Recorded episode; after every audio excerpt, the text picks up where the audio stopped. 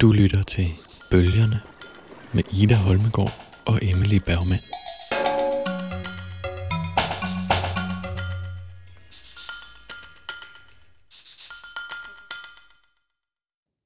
Fy faen, jeg savner å være åtte år og ikke ha ødelagt livet mitt.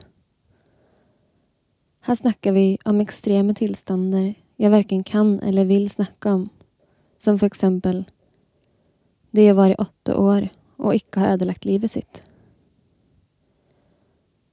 Når bølgene slår, er det med en ømhet som ikke finnes i andre slag, som for eksempel når pappa slår mamma. Når jeg holder pusten under vann, er det av praktiske årsaker og ikke av frykt. Som for eksempel når jeg holder pusten og lister meg fra senga til badet för att tisse på porselenet. Lydlöst och aldrig i vannet. Når broren min och jag ligger i badekaret till vi ser ut som hundraåringar i huden, Och vannet blir kallt och vi tissar i vannet.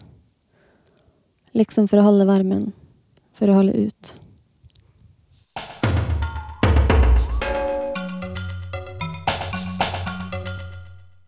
Velkommen til Bølgerne, en podcast om ny og nyoversat litteratur. Du har lige hørt første digt fra digtsamlingen Hvorfor er jeg så trist, når jeg er så sød af Ingvild Lode. Det er den digtsamling, vi skal tale om i programmet i dag. Det er sådan, at vi hver gang vi laver et program, vælger en ny bog, som vi skal snakke om. Den vælger vi ud fra et øh, fuldstændig idiosynkratisk udvælgelsesprincip, forstået på den måde, at vi simpelthen bare Vi tager bare dem, vi synes er spændende. Præcis, vi tager bare det, jeg synes er spændende. Jeg hedder Ida Holmgaard. Og jeg hedder Emily Bergman. Du hørte digtet læst op på svensk. Ja, altså jeg ved ikke, hvordan jeg skal kunne få mig selv til at læse på norsk, på dansk. Puha, det er, det er måske bare noget, man må vende sig til som lytter til den her podcast, at der kommer til at komme noget.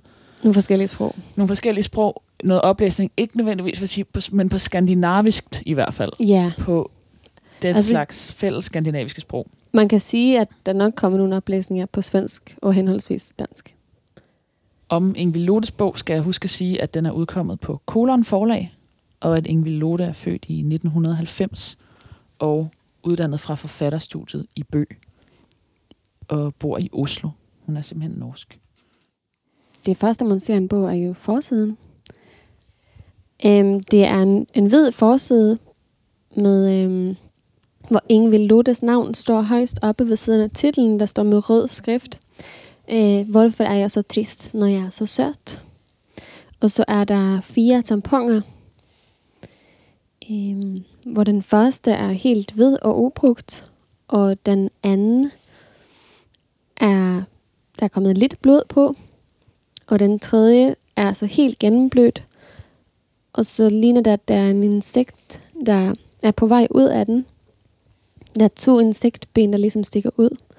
Og så den fjerde tampon er åbnet op, og en sommerfugl flyver ud af den. Som om det var en slags puppe.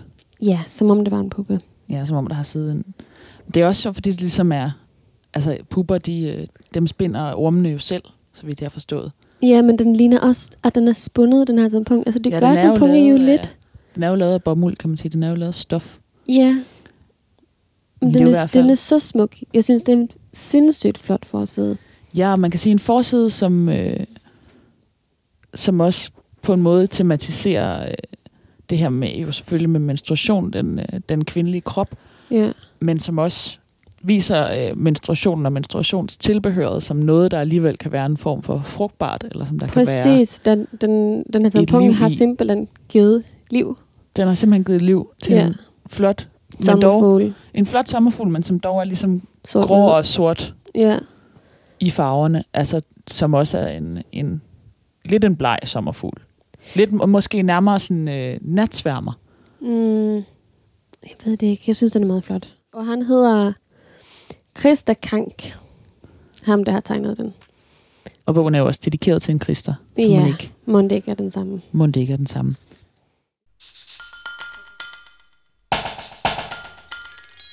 Til at starte med vil vi selvfølgelig gerne lige fortælle lidt om, hvad det er for en bog, hvad der simpelthen sker i bogen, og hvad for nogle dele den består af. Ja. Det er en digtsamling, og den er øhm, opdelt i fire dele, og så er det ligesom nogle underkategorier, eller nogle sådan, kapitler. Den første hedder Vandfast Kajal, sort. Og hvad, det der kajal, hvad er det nu, det betyder? Det betyder eyeliner. Den, det første kapitel består af nogle øh, selvstændige digter, som jeg egentlig oplever som ret klassiske i sin opbygning. Ja, for eksempel det første digt, vi hørte her. Ja, præcis. Og næste kapitel, eller næste del af bogen, hedder Fanatisk Apatisk. Og det er nogle hverdagsbetragtninger, som er meget, som titlen jo fortæller, nogle apatiske, sådan deprimerede, kede, opgivende digte eller betragtninger. Man kan sige, at depressionen er sådan et grundlæggende tema for den her bog. Ja, det vil jeg nok sige. Synes jeg godt, man kan sige. Eller lede, Lede, livslede simpelthen. selvom den handler om en meget ung pige jo. Ja, måske skal vi også lige sige, at den første del af bogen også har sådan en vis barndomstematik. Ja, den starter i barndommen og slutter i tidlig voksen. Ja, i et Eller- tidligt voksenliv. Øhm, og så kommer det tredje kapitel, som er det seksuelle helvede og mig, som er nogle digte, der på forskellige måder udtrykker et stort ubehag ved sex.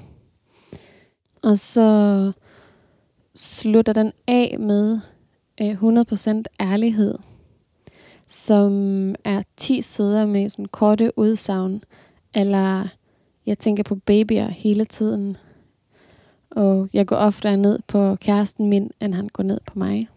Men så kommer der også faktisk et digt til sidst, som ikke føles som om det er en del af det her 100% Ja. ærlighed. Eller det er i hvert fald ikke den samme struktur på digterne. Nej, de fleste af digtene i afsnittet 100% ærlighed er nummereret. Ja, Øhm, og så kommer der ligesom et lille, et lille ekstra afsnit til sidst, har som det er, også et navn egentlig? pludselig er henvendt til du. Nej, der er bare ligesom nogle tomme sider, og så begynder, øhm, En, så begynder noget, der helt klart føles som et, et nyt afsnit, hvor der kommer et nyt du ind i teksten. Som føles lidt mere håbefuldt, kan man sige. Ja, hvor der i hvert fald er en eller anden anden, sådan, øh, anden energi i sproget. Hvor man også bare helt konkret fornemmer, at, at jeget i teksten faktisk kan lide, kan lide Duet. duet, eller kan lide den anden person, der er til stede. Og tilstanden sig selv. og tilstanden sig selv. Øh, det sidste digt, som også er det digt, der er bag på bogen, hedder Som en dronning. Det tror jeg ikke, der er nogen andre steder i den her bog, hvor det her jeg har følt sig særlig meget. Som, som en dronning. som en dronning, nemlig. Umiddelbart tænker jeg, da jeg læste titlen på den her digtsamling, at den vil være sjov. At det vil være en sjov digtsamling.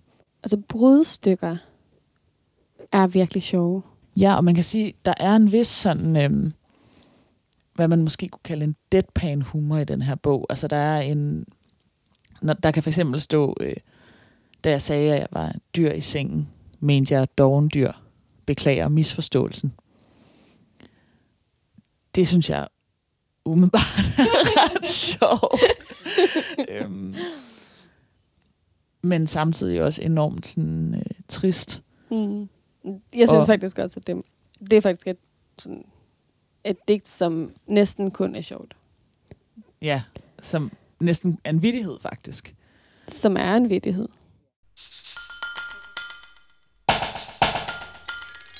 Jeg har tænkt lidt over billedsproget i den her digtsamling, og i den forbindelse tænker jeg lige at læse øh, to digte op. Det første lyder sådan her. Jeg var 15 år. Jeg lå nøgen i min mors have, da jeg indså, at skyerne på himlen ikke længere lignede delfiner og elefanter. Jeg tror, det var sådan, det startede. Det er et digt fra begyndelsen af bogen, og et digt fra noget længere hen i bogen lyder sådan her. Mennesker dør og bliver født hele tiden. Jeg bare lever og lever. Jeg bliver snart nødt til at tage en pause for denne pause, jeg holder på med. Jeg forandrer mig i morgen, tænkte jeg, og hver kvæld tænker jeg det samme. Jeg tænker på det her digt øh, om skyerne, som ikke længere ligner delfiner og elefanter, som et meget øh, symptomatisk digt for den her samling. I begyndelsen af samlingen er der øh, ikke meget, men noget billedsprog, altså steder, hvor ting bliver sammenlignet med andre ting. Øhm, hvor en, øh, et jeg kan blive sammenlignet med et æble, et vinteræble for eksempel. Eller øh, bølgernes slag kan blive øh, sammenlignet med farens slag mod moren. Men det er som om, at efter det her sted, hvor jeget siger, at, øh, at skyerne på himlen ikke længere ligner delfiner og elefanter, så bliver billedsprog noget, der er enormt sparsomt. i teksten. Altså, billedsproget er jo, som de fleste sikkert ved, ligesom digtets, et af digtets mest klassiske redskaber. Altså, det er en måde, hvor øh, digtet kan benytte sig af en form for sådan sproglig, næsten magisk kraft, eller en, øh, en mulighed for at sætte ting i verden i forbindelse med hinanden, eller øh, få to elementer i digtet til at trække kraft fra hinanden. Altså hvis man siger, min elskede er som en rose, så giver man den elskede rosens karakter. Man siger om sin elskede måske, at den er rødmende, skrøbelig, øh, smuk at se på, men har måske også nogle tårne. altså, det er som om, at, øh, at ingen af de ting, der er i teksten, ligesom kan omsættes til noget andet, trække stof fra noget andet, eller kraft eller kvaliteter fra noget andet.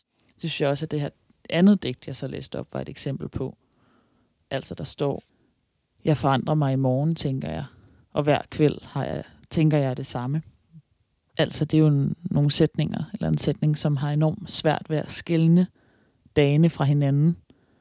Ja. Og også en sætning, som ikke øh, som tænker på, at der kan ske en forandring i jeres liv, men simpelthen ikke har nogen fantasi til at forestille sig, hvad den forandring skulle gå ud på. Ja, præcis.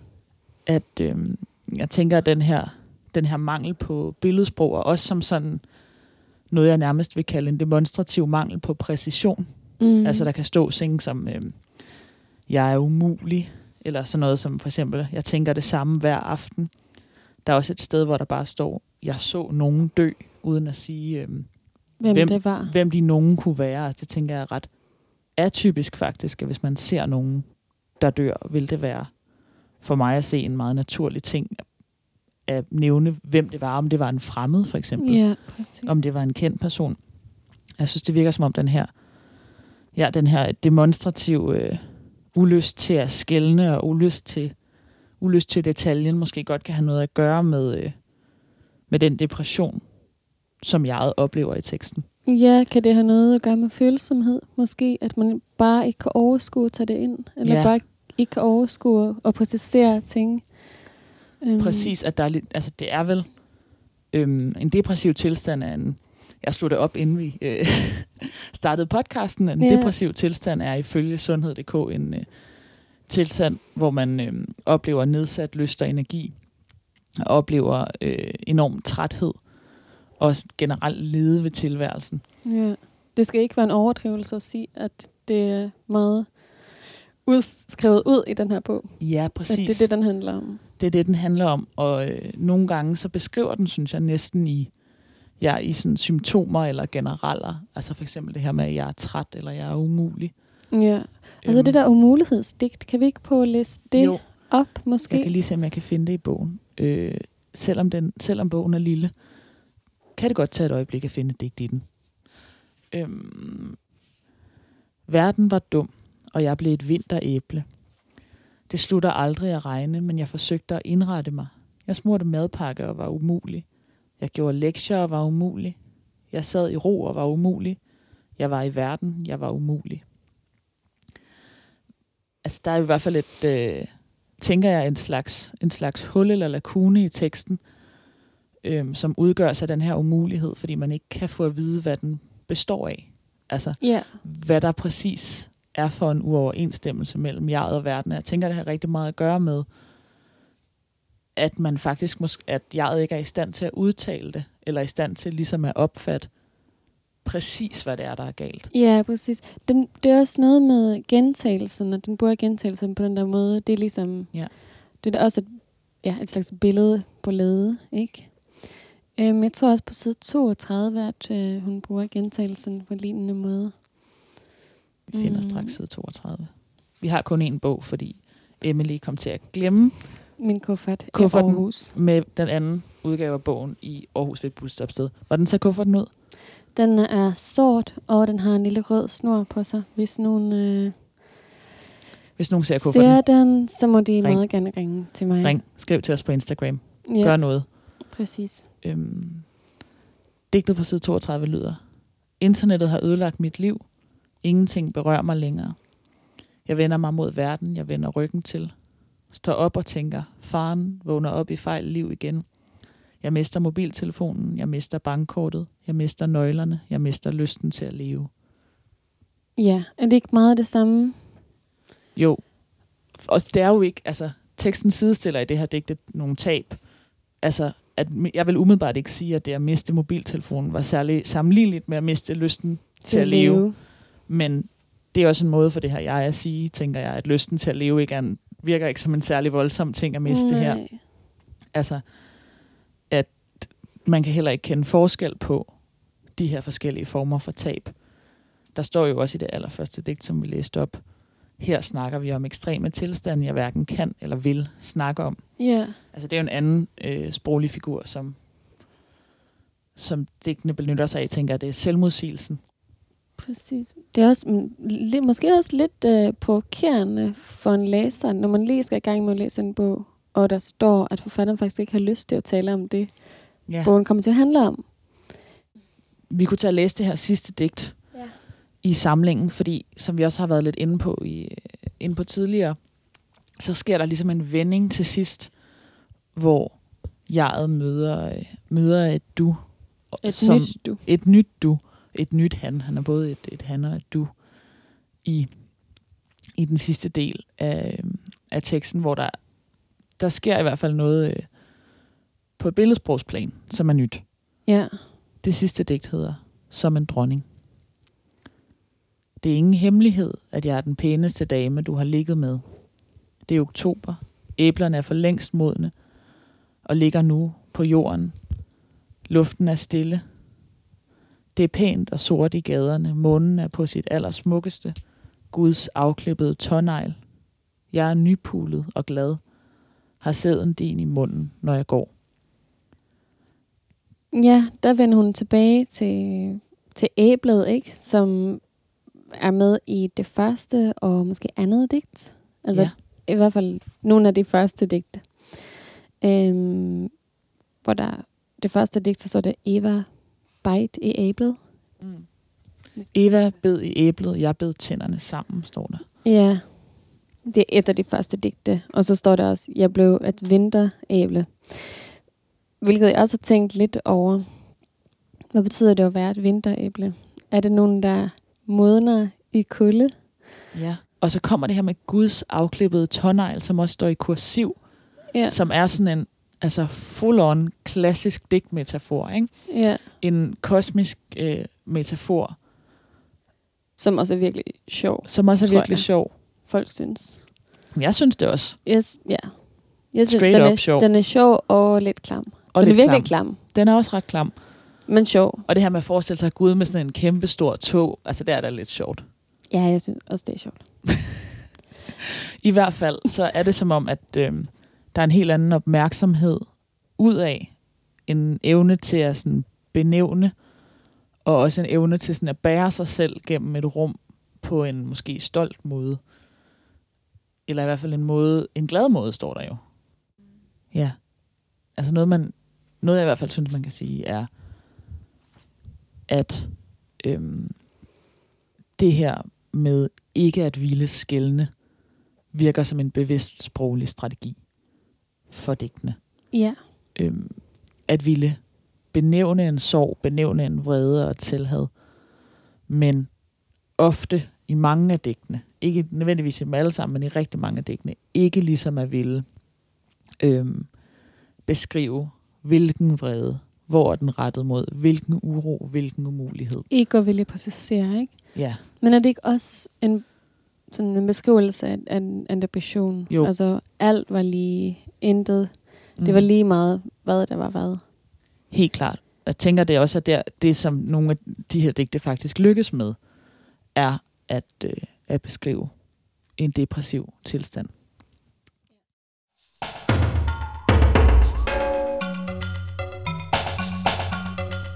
Du lytter til Bølgerne med Ida Holmegård og Emily Bergman.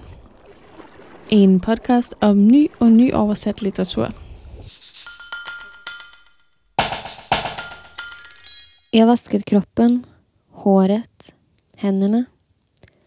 Fjärnat lacken från neglarna. Jag barberat underarmarna. Könet, hodet, skrubbat den blanka skallen. Jag vaskat bort munnen, läpparna, taleämnen.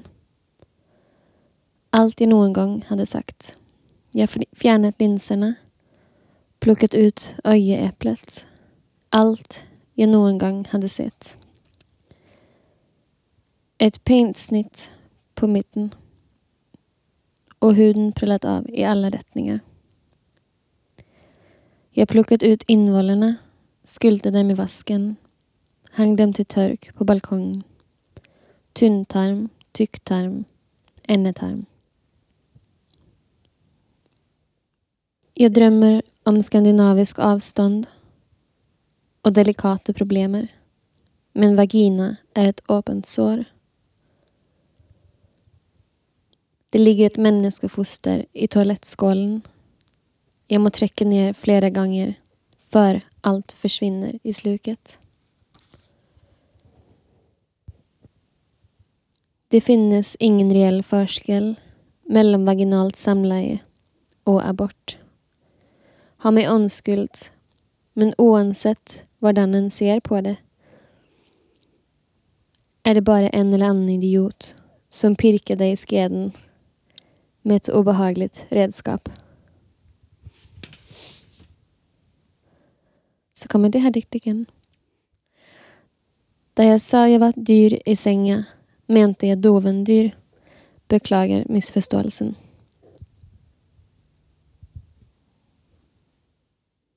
Jeg orker ikke tanken på flere menn. I dag har jeg spist en pakke Läkerol og onanerat. Skulle ønske jeg levde et anstendigt liv.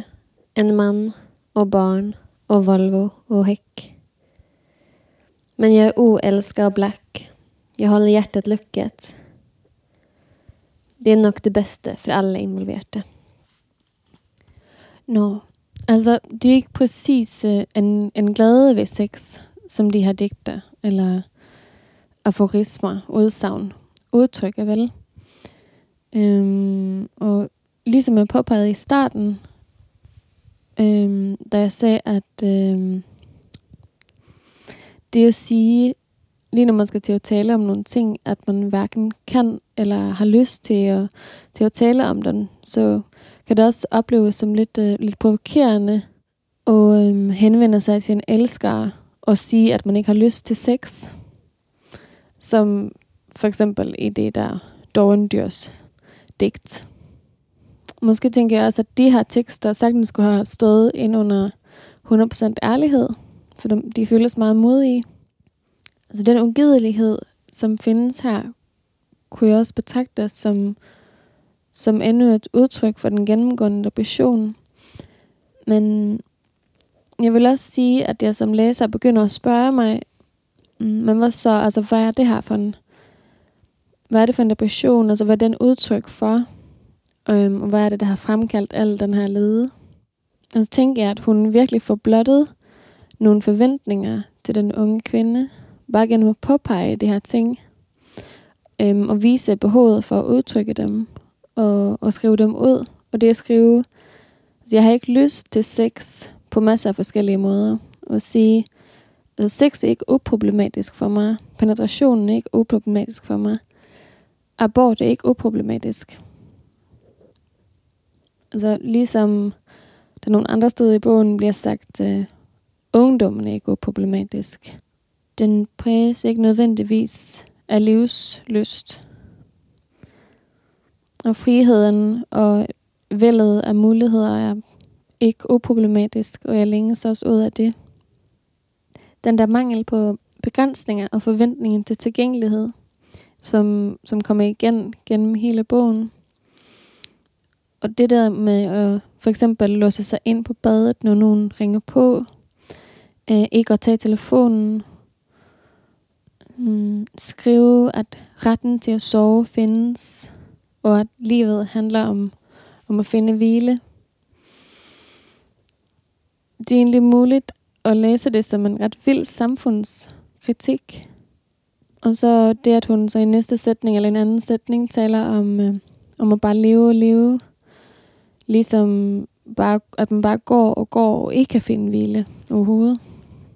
Ja, øhm, det her med ligesom at, at føle, at man skal gentage og gentage og gentage, at man ikke har lyst til sex, eller at man ikke har lyst til at være seksuelt aktiv, det synes jeg også er et ret spændende motiv. Altså, jeg kom til at tænke på, øhm, at jeg for ikke så lang tid siden genså et afsnit af Sex and the City.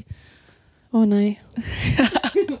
som jeg faktisk så helt... Altså min veninde Julie, da vi var måske 13, 14, 15 år gamle, havde ligesom boxsættet. Ja, som var formet, så så I bare det hele. Så så vi bare det hele. Den var formet som sådan en skotøjsæske. Ja. Som om man havde købt et par sko, men så havde man i virkeligheden købt hele Sex and the City. Mm. Øhm, nede i Fona. Og det er, altså, da jeg var yngre og så det, så tror jeg bare, at den ligesom, det gik rent ind, eller jeg tænkte, at det her New Yorker-liv var helt vildt spændende, men da jeg genså det, så øhm, kom man virkelig til at tænke på, sådan, wow, den her tv-serie, den projicerer bare øhm, en måde at være kvinde på, hvor man hele tiden skal være seksuelt aktiv. Ja, eller hvor det virker idealet. Den er sådan en rigtig slut 90'er, start 0'er serie. Ikke? Altså måske også... Ingvild øhm, Lode, altså der var Ingvild Lode vokset op, og i sådan 90'erne, 0'erne, ikke? hvor vi også er vokset op. Præcis, at der var ligesom en idé, eller jeg tænker, den ser udtryk for en idé om, at øhm, det, der er ens valg, det, der er ens frie valg som kvinde, er, hvordan man har lyst til at være seksuelt aktiv. Men altså, man skal man, hele tiden være det. Øhm, og man har lyst til at være single, og øhm, bare knalde med alle mulige, eller man har lyst til at prøve at blive gift med en, og knalde med ham hver dag, eller man ligesom gerne vil være sådan seksuelt monogam, og have nogle øh, forskellige mænd, som man knaller med på forskellige perioder i sit liv. Så er der ligesom... Bare man knaller. Bare man knaller, så er man så okay. Så er man der, ja. Øhm, så er man frigjort. Så er man frigjort. Og så har man fattet det. Så har man fattet det, eller så har man ligesom, så udøver man sin frihed. Ja, præcis. Så udøver man... Øh, man kan sige, at Ingrid Lotte øh, ligesom trækker en anden slags frihed op i lyset her. Det røde kort. Det røde kort. op i lyset med det røde kort. Man kan også ikke vil have sex. Man kan også ikke vil have sex, og måske i et, i et samfund, som i hvert fald hvis man kan læse Sex and the City som udtryk for en eller anden tidsånd, så et samfund, hvor man hele tiden bliver spurgt, vil du have sex? Skulle det være sex? Hvad med sex i dag? Så må man trække det der skide Hvordan rød, vil du have sex i dag? Skide røde kort hele tiden, altså. Ja. Så er man nemlig nødt til at, at gentage. Ja. Igen og igen. At man ikke har lyst. Eller hvorfor man ikke har lyst. Men der sker, der sker jo en, en forandring. Altså, det du talte om med billedsproget tidligere, øhm, kunne faktisk også være del af sådan en læsning. Mm, hvis man ser forskelsløsheden, som du talte om, øhm, som det forskelsløse samfund, eller overflodssamfundet, tilgængelighedssamfundet. Øh, og jeg tænker, at ligesom hun, hun tager afstand fra, fra billeder i det, man måske kan kalde ungdomsdelen, altså den, der følger mest i samlingen, ikke? altså midten, få siden og, og vende tilbage til dem og gøre dem til sine egne igen i det sidste digt. Så lidt det samme, som hun gør Altså med alt. Med, med glæden, med tilgængeligheden. Og, så hun, og med sex, ikke? Hun går på gaden. Ja, med, med sæd i munden, og hun føler en glæde ved at være nypulet. Um, og ja, hun går der, hun er håbefuld, hun er glad. Helt klart. I digtet inden det sidste digt står der også, jeg tænker, at han kan ske er lidt skadet i hovedet af kærlighed, og jeg tænker, kærlighed er tingen, og jeg tænker, det var en fin tanke. Altså kan man sige, det er i hvert fald et sted, hvor kærligheden som fænomen også bliver kædet sammen med det at være syg i hovedet, eller det at være sådan, øh, skadet i hovedet, eller psykisk ustabil måske, men at det ikke ligesom diskvalificerer den kærlighed, eller der er ligesom stadigvæk plads til. Helt sikkert. Der er stadigvæk, så det er ikke kærligheden som sådan, hun gør oprør mod. Det er mere, det er forventningen til det, ikke? Det er forventningen Præcis. til sex. Forventningen til, at man skal kunne stå til rådighed for andre menneskers måske kærlighed og begær og sex, eller selv skulle kunne begære hele tiden. Altså jeg synes, det er ret flot i digtsamlingen, at der ikke der sker en form for forløsning, synes jeg til sidst, som vi har snakket om. Men det er ikke fordi, at, at sex som fænomen er blevet sådan grundlæggende anderledes, eller at kærlighed, altså det er ikke sådan, at jeg er blevet rask, eller at man har fået den der øh, Volvo og hæk og hund, som man nej, havde regnet nej, nej. med. Altså det, det, der bare er forskelligt, er sådan valget, og at man selv har lyst. Præcis, og det, det er den insisterende Øhm, på ikke, ikke at simulere en orgasme, som er meget smuk i den her bog, synes jeg. Altså, og det betyder ikke, at man ikke har lyst til sex, at man ikke har lyst til til orgasmen. Bare at man ikke gider fake den.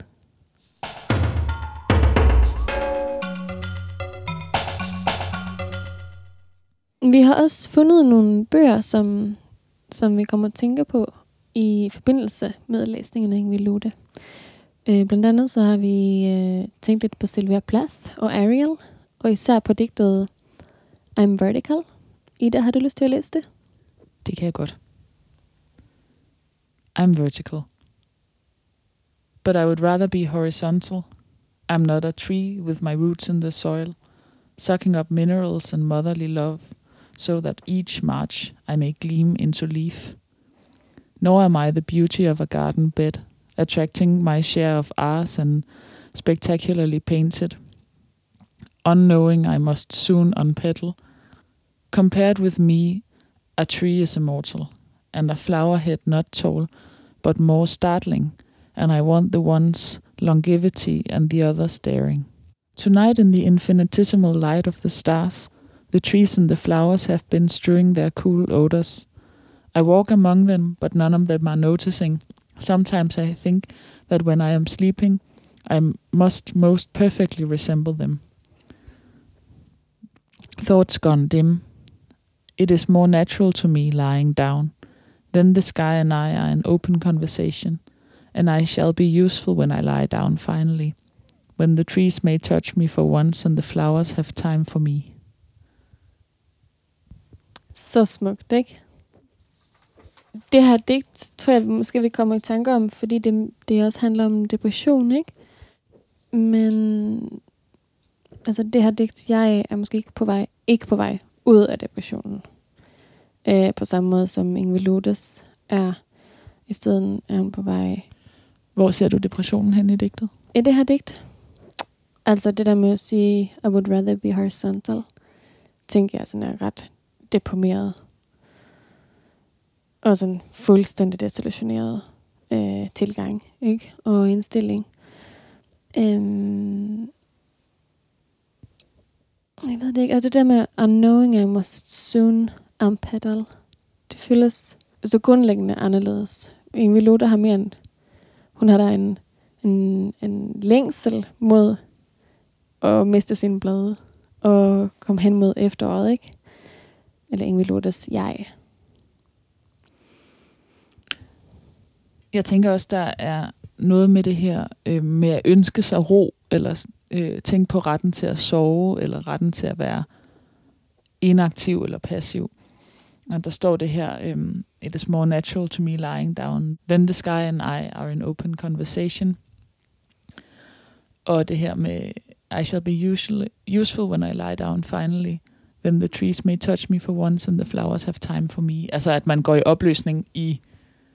Øh, altså, jeg ser det meget som et sådan, stærkt dødsbillede. Altså, at man simpelthen sådan dekomposterer. Helt eller går sikkert. i forbindelse med Ja. verden på en anden måde, når man, når man er død. Men det her med, at øh, it's more natural to me lying down, og med at tage de her plantebilleder ind, øh, som et billede på en livsform, der simpelthen er mere sådan stillestående og passiv, og sådan har sådan lang, langvarige øh, søvntilstande og, øh, og, og en ro.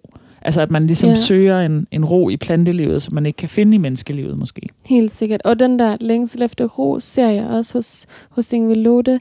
Men samtidig så, så føler jeg, at, at længselen efter hvile hos Ingrid Lode handler om at akkumulere øh, kraft for at gå videre, mens det hos Sylvia Plath er mere, jamen er et rigtigt dødsbillede, ikke? Altså en, en, en, en reel længsel efter at forsvinde, efter at, at, at opgå i naturen. Helt klart. Jeg synes også, at øh, altså det her digt tager ligesom et andet, øh, et andet domæne på sig og taler med. Det taler med det her plantedomæne. Øhm, som også, det, synes, det er noget, som øh, Ingvild Luther-digtet måske ikke rigtig vil være i stand til. Altså, der er også en modstand mod sådan, øh, at gå så langt ind i det depressive, tror jeg. Helt sikkert. Jeg tænker også, humoren findes der jo faktisk hele tiden hos Ingrid Lode. Selvom øhm, den er meget ked af det, så er den også sjov, ikke? Og jeg, jeg ser faktisk et, et sådan stort fravær af humor i uh, I'm Vertical. Jeg ser ingen, død sjovt ved det. Hvad med Nej, dig? og ikke noget... Altså, der er et håb om at finde en, et sted at være, sådan læser jeg det i hvert fald, hvor der ligesom, hvor man er med sin øh, depression eller passivitet er i overensstemmelse med sine omgivelser, ikke et, et, ikke et håb for sådan at strække sig et andet sted hen.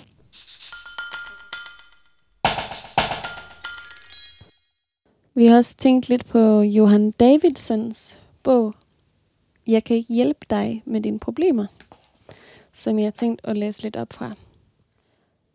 Vi har lejet et hotelværelse, så vi kan have sex på det, men det er utilfredsstillende, uanset hvor det ligger. Du gider ikke, men du gør det alligevel. Det er nærmest bare mig, der gør det. Det kan være, at det er et overgreb, men jeg tror det ikke. I hvert fald ikke på dig. Det er frivilligt, at du har sex med mig, selvom du ikke gider. Det er bare noget, du gør, fordi du synes, du skal. Men det får mig til at føle mig som en dum mand.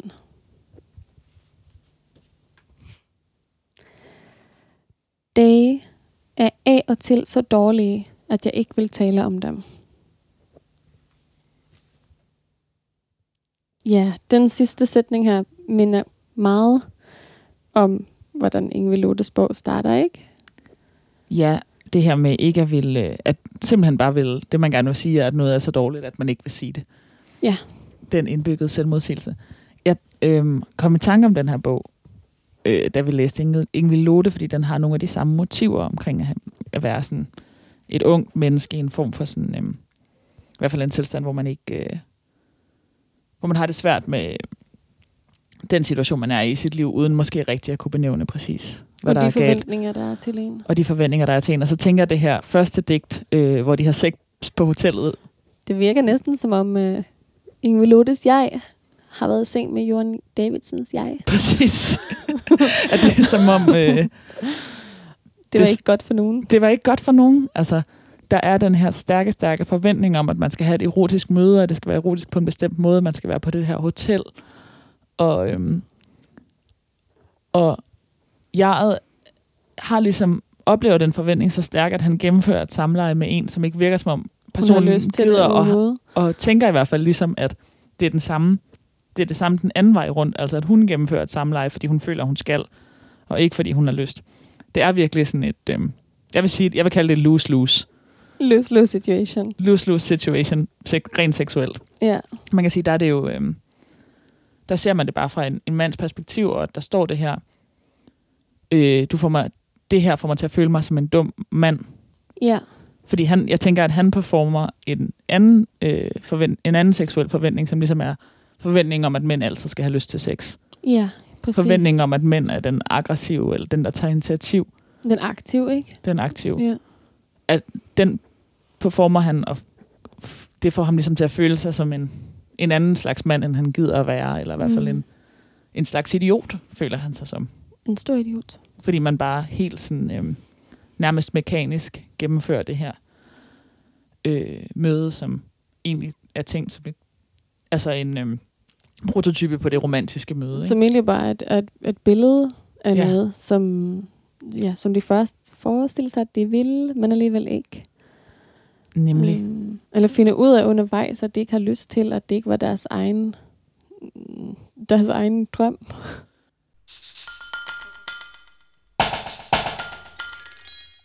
Det var alt for os for den her gang på bølgerne. Tusind tak, fordi I lyttede med.